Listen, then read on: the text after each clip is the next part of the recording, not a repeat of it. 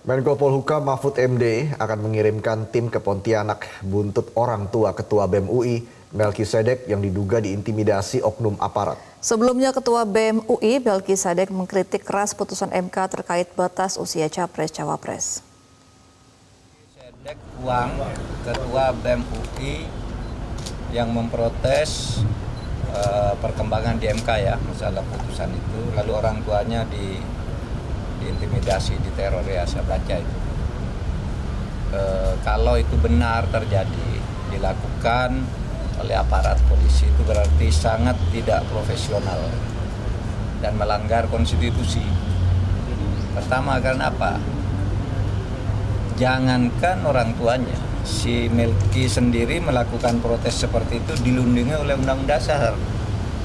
Hak menyatakan berpendapat dan bersikap. Milki sendiri boleh apalagi yang diteror kalau jadi orang tuanya yang ada di desa itu tidak boleh itu pelanggaran atas asas profesionalitas dan itu tidak boleh terjadi di negara kesatuan Republik Indonesia yang punya konstitusi yang sangat ketat untuk itu baik Milki maupun orang tuanya harus dilindungi.